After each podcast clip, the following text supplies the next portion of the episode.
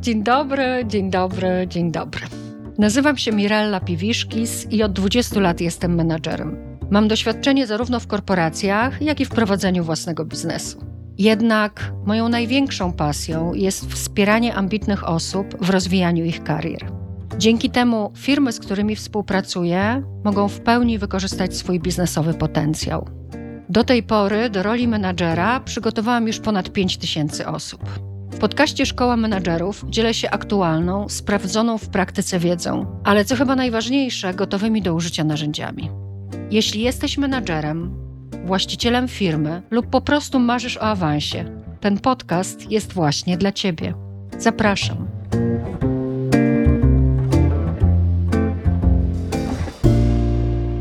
Dzień dobry. Słuchajcie. Przejmowanie stanowiska lidera na dowolnym poziomie i w dowolnej formie. Czyli czy jest to awans wewnętrzny, czy rekrutacja zewnętrzna, uruchamia tak zwany proces przejściowy. 90 dni, 3 miesiące to właściwie być albo nie być nowego lidera. I wcale nie chodzi o to, co i ile zrobi, ale jak zbuduje relacje z nowym teamem, jaką wiedzę zdobędzie, jakie umiejętności posiądzie i jak zbuduje swój wizerunek w roli lidera w dotychczasowej lub nowej organizacji. Dziś chciałam Wam opowiedzieć o pięciu pułapkach, w które wpadają nowo mianowani liderzy. Czy rozpoznasz w nich siebie? Zobaczmy.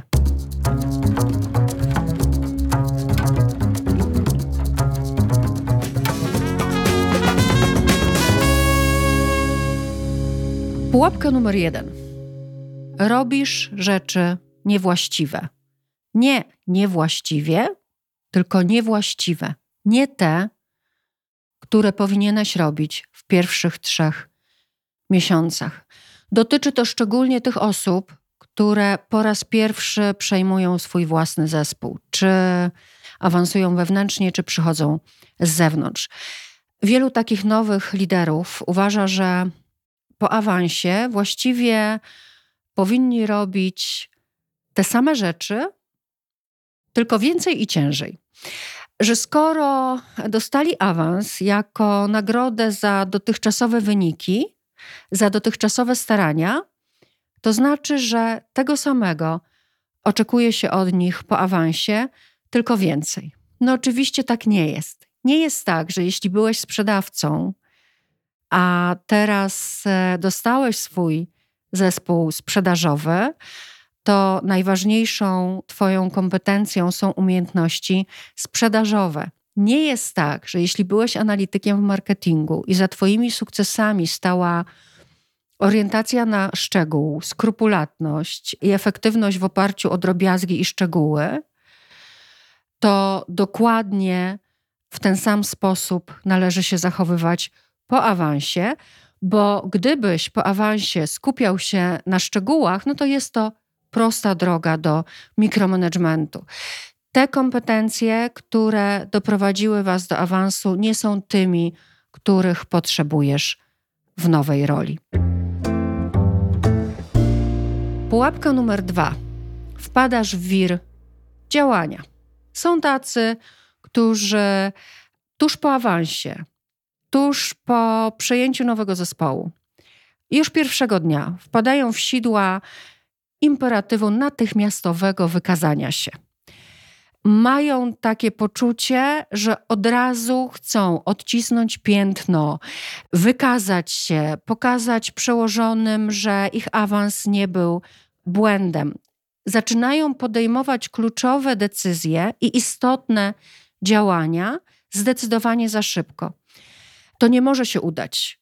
Te decyzje nie mogą być dobre, bo nawet jeżeli awansujesz w tej samej organizacji, to perspektywa liderska to jest zupełnie inna perspektywa niż perspektywa członka zespołu. Możesz tę wiedzę wykorzystać, ale nie podejmuj zbyt szybko istotnych decyzji. Druga twarz tego mechanizmu, tego wykazywania się, wpadania w wir działania, to nie robienie znaczących rzeczy, ile uruchamianie decyzji i działań na wielu frontach jednocześnie. Robienie wielu rzeczy naraz, przysłowowe łapanie trzech srok za ogon. Jaki może być tego efekt? Tylko jeden: totalna dezorientacja Twojego zespołu, rozgrzebane i niedokończone projekty. A więc co zamiast tego? Co zamiast zbyt szybkich decyzji i zbyt szerokiego frontu działania? Zatrzymaj się i poznaj produkt, ludzi, strategię, otoczenie biznesowe. Pierwszy miesiąc właściwie należy poświęcić, a może nawet dwa, a może nawet trzy miesiące. To zależy na jaki poziom liderski trafiasz. Ale należy poświęcić na zrozumienie procesów kultury, źródeł sukcesu, bolączek, przeszkód. Gdzie są najlepsze źródła wiedzy?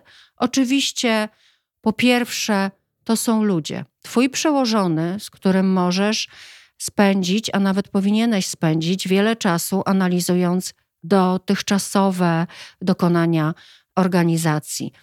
Twój zespół, oczywiście.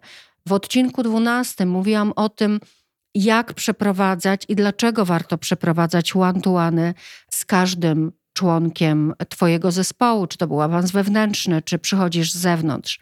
Kolejne źródło informacji, zanim zaczniesz podejmować decyzje, to kluczowi klienci. Spotkania z kluczowymi klientami i z dostawcami, czy to w formie shadowingu, czy to w formie indywidualnie przez Ciebie umówionych spotkań, to bardzo zależy od tego, jaka jest e, Twoja funkcja, to Twój obowiązek najpóźniej w drugim miesiącu po awansie. A do tego informacje pochodzące od innych menadżerów. Więc Twój rozwój w tych pierwszych 90 dniach to zrozumienie, to wiedza, to ulubione przeze mnie psychologiczne zjawisko tak zwanego wglądu. Widzę, obserwuję i nagle mam. Nie wiem, czy pamiętacie taką bajkę, to jest w ogóle bajka jeszcze chyba sprzed moich narodzin, zaczarowany ołówek, kiedy właśnie temu chłopcu tak skakała piłeczka po głowie i nagle było, aha, już wiem, wiem. I zaczynał wdrażać swoje artystyczne pomysły.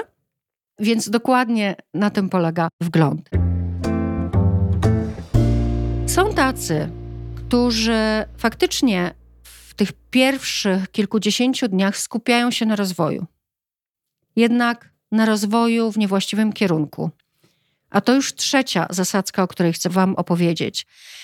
Czyli są to osoby, które poświęcają ten czas, skupiając się na wiedzy specjalistycznej, eksperckiej, technicznej. Pułapka ta dotyczy głównie osób, które przychodzą z zewnątrz, ale również tych, którzy przenoszą się z innego działu, bo badania pokazują, że tylko 30% wiedzy, jaką masz, jaką wyciągnąłeś e, z pracy w jednym dziale, jest przydatna w zarządzaniu pracą innych ludzi w drugim dziale.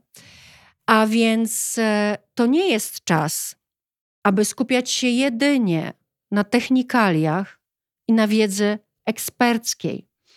To jest czas, aby poznać kulturę i nazwijmy to po imieniu polityczną stronę Twojej nowej roli. Zaniedbywanie zdobywania tej wiedzy może spowodować, że nie poznasz, nie dotrzesz do prawdziwych problemów organizacji. Moim zdaniem, lider jest gotowy do zbudowania własnej strategii rozwoju zespołu czy biznesu, jeżeli jest w stanie przygotować rzetelnie analizę SWOT odnośnie produktu, ludzi, strategii, procesów i otoczenia biznesowego.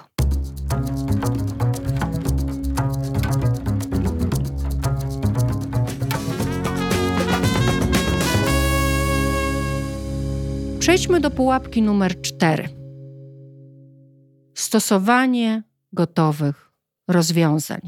Gotowych rozwiązań pochodzących z Twoich wcześniejszych doświadczeń, czy to z innej pozycji w tej samej organizacji, czy też kiedy byłeś liderem w innej firmie. Miałam kiedyś dość krótką, ale kosztowną dla mnie przygodę z menedżerką odpowiedzialną za rozwój jednej z moich firm. Wyciągnęłam ją wręcz od konkurencji, od dużego gracza na rynku, który miał już bardzo mocny swój własny brand. Byłam szczęśliwa, że przeniesie wzorce, procesy z tamtej organizacji i głównie cieszyłam się, że na bazie swojego doświadczenia rozwinie mi wówczas e, kulejący w mojej firmie New Business. BDM ta, nie poznając nas w ogóle, od pierwszego dnia zaczęła stosować swoje taktyki. Właściwie copy-paste. Kompletnie inne niż moi dotychczasowi BDM-owie. Właściwie jedyne, co robiła, to rozszerzała swoją sieć e, kontaktów na LinkedInie i rozsyłała mailingi. Myślę sobie, że macie w głowie pytanie, no i co w tym złego? Absolutnie nic. Jest to fantastyczna strategia, ale nie na ten moment rozwoju mojej organizacji. Moja organizacja wówczas była startupem z kompletnie niewyrobioną marką. Rozstałam się z tą menadżerką po 10 miesiącach. W 10 miesięcy ona właściwie zrobiła obrót na poziomie 4,5 tysiąca złotych, a było to kilka lat temu. Moi drodzy, nie stosujcie gotowych rozwiązań. Czy one się rodzą w głowie dlatego, że obserwowaliście swojego wcześniej lidera z pozycji członka zespołu? Czy one się biorą z waszych doświadczeń, zarządzania innymi ludźmi w innych organizacjach? Zanim podejmiesz decyzje strategiczne, poznaj. Poznaj historię firmy, wyniki z przeszłości i źródła jej sukcesu. Jak możesz do nich dotrzeć? Są w każdej organizacji tak zwani naturalni historycy. To są weterani firmy. Dobrze jest wysłuchać ich historii, historii tej firmy z perspektywy osoby, która była tam być może od początku. Jak sprawdzić kulturę? Wsłuchaj się w historie opowiadane przez ludzi. W mitach firmy ukryte są prawdziwe wartości i nieformalne zasady, które budują DNA firmy. Wtedy będziesz w stanie dopasować strategię do kultury organizacyjnej. Przyjrzyj się, jak cele, które przed Tobą postawiono, jak mierniki sukcesu pracy Twojego zespołu wpisują się w strategię i jak Ty mógłbyś po tych 90 dniach, czyli właściwie za chwilę, dokonać ich kalibracji. Ta wiedza jest nie do przecenienia. W końcu, ostatecznie, Błąd, pułapka numer 5. Lekceważenie relacji z innymi liderami z tego samego poziomu. Naturalnie nowy lider skupia się na relacjach pionowych. Ja versus mój zespół, no i oczywiście ja versus mój przełożony. Wielu nowych liderów nie docenia natomiast znaczenia relacji z innymi liderami które, no muszę Wam powiedzieć, są warunkiem powodzenia inicjatyw nowych liderów. Jeśli nie zbudujesz koalicji, powstaną silosy. A więc to, co warto zrobić w pierwszym bądź drugim tygodniu, poprosić swojego przełożonego o zapoznanie Ciebie osobiście z innymi menadżerami.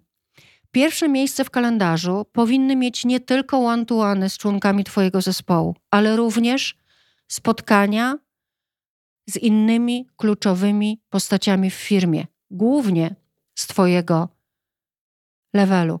No i rodzi się pytanie, czy to oznacza, że macie przez pierwsze trzy miesiące nie podejmować żadnych decyzji? No, właściwie być niewidocznym? Oczywiście, że nie. W międzyczasie jeżeli unikniesz tych pięciu pułapek, quick winy pod wpływem Twoich obserwacji zaczną pojawiać się same. Szybkie zwycięstwa przyjdą same, jeśli nie, to szukaj ich, one zostaną zauważone, one zostaną docenione. Pamiętam swój pierwszy sukces przy swoim pierwszym awansie na Kunden Credit Managera. Dostałam Kunden Credit menadżerem. Moim podstawowym narzędziem, z którym miałam pracować jako KKM, był SAP.